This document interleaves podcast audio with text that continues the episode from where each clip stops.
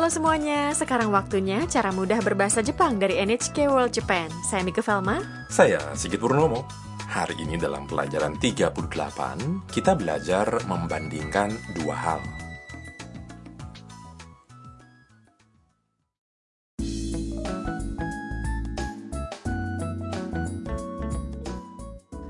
Tam dari Vietnam sedang jalan-jalan ke Hakone bersama temannya Ayaka.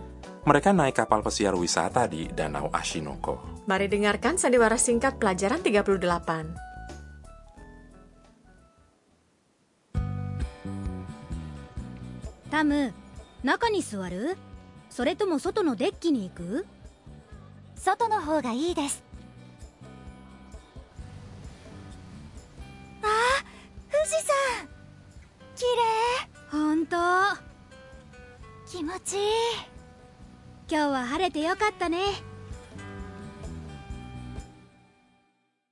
Kita ulas satu persatu. Setelah naik ke atas kapal pesiar, Ayaka bertanya kepada Tam.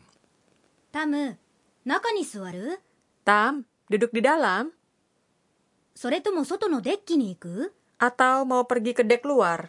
Tam menjawab, 外の方がいいです Saya lebih memilih di luar. di atas dek Tam berseru. Wah, Gunung Fuji. Kire. Sangat indah. Ayaka setuju. Honto. Iya, benar. Tam melanjutkan. Kimochi. Segar rasanya. Ayaka mengatakan.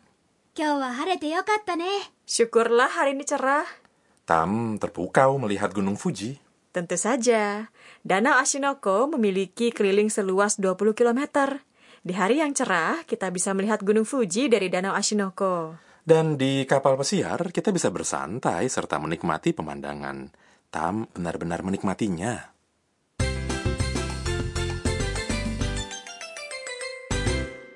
Ungkapan kunci hari ini adalah saya lebih memilih di luar. Soto no Jika Anda mengingat pola ini, Anda akan dapat membandingkan dua hal yang berbeda. Pertama, mari lihat artinya. Soto berarti luar. Soto no hoga membandingkan soto dengan hal lain. Ii des berarti lebih baik.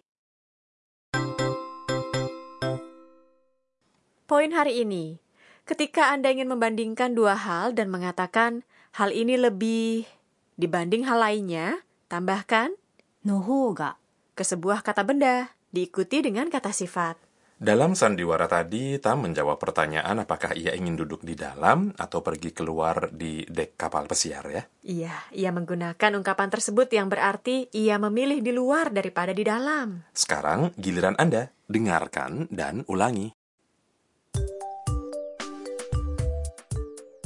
外の方がいいです外の方がいいです外の方がいいです Bagaimana?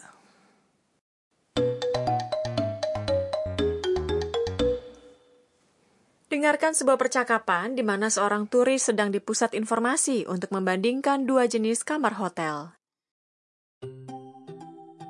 洋室と和室どちらがよろしいですか洋室より和室の方が広いですね和室にします Berikut artinya.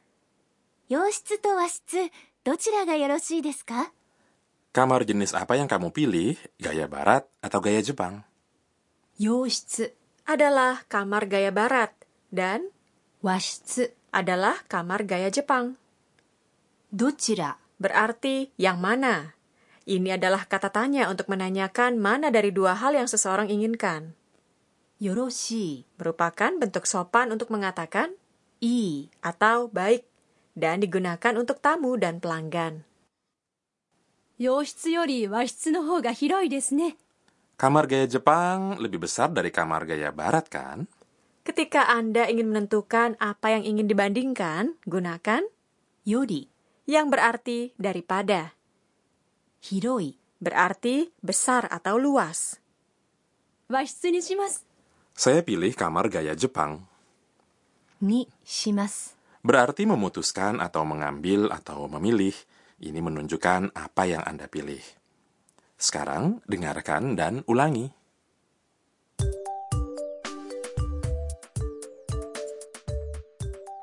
和室の方が広いですね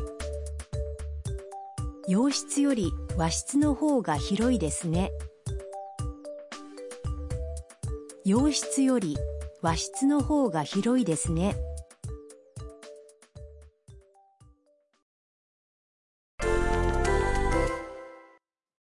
Mari bandingkan dua hal lainnya. Bayangkan Anda dan teman Anda di sebuah restoran. Anda diminta untuk memilih ikan atau daging. Jawablah dengan mengatakan, "Saya lebih suka ikan daripada daging." Daging adalah niku. Niku. Ikan adalah sakana. Sakana. Suka adalah ski. Ski. Coba buat kalimatnya.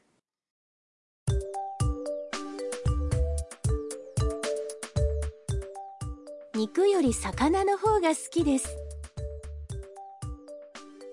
Niku yori sakana no hou ga suki desu. Apakah bisa?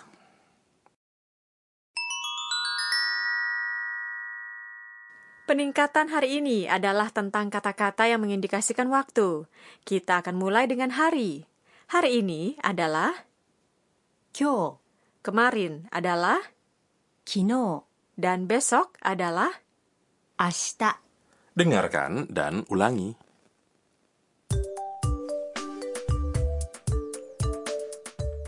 Hari ini kyo.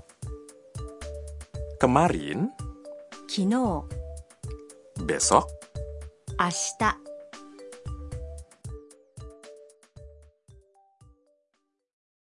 berikutnya pekan.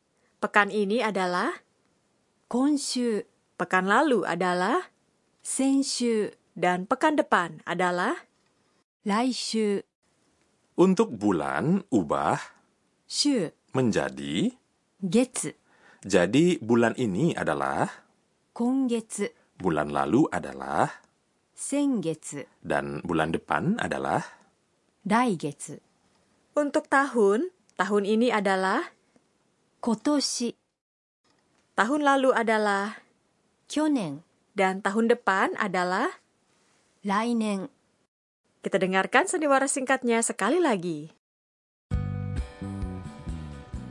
タム中に座るそれとも外のデッキに行く 外の方がいいです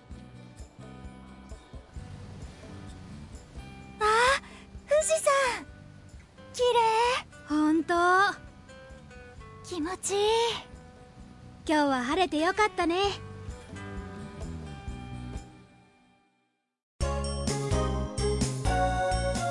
ミーヤーのトラベルガイド saatnya panduan perjalanan Mia. Hari ini topiknya Gunung Fuji.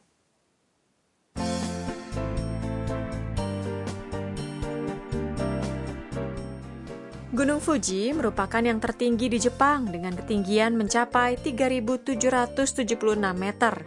Gunung ini juga merupakan situs warisan budaya dunia UNESCO. Kita juga dapat mendakinya dan menikmati panorama awan-awan yang menakjubkan dan pemandangan di bawah. Kita bisa mendaki mulai dari Juli hingga awal September. Ada beberapa jalur pendakian, tapi yang paling populer adalah dengan bus sampai stasiun kelima gunung tersebut dan pendakian dimulai dari tempat itu.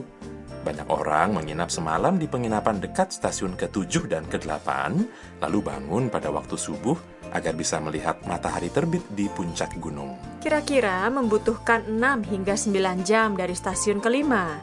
Kalau mendaki terlalu cepat bisa membuat kita mabuk gunung. Jadi, mendakinya perlahan-lahan. Anda juga harus mengenakan pakaian yang hangat. Di atas gunung dingin, bahkan pada musim panas.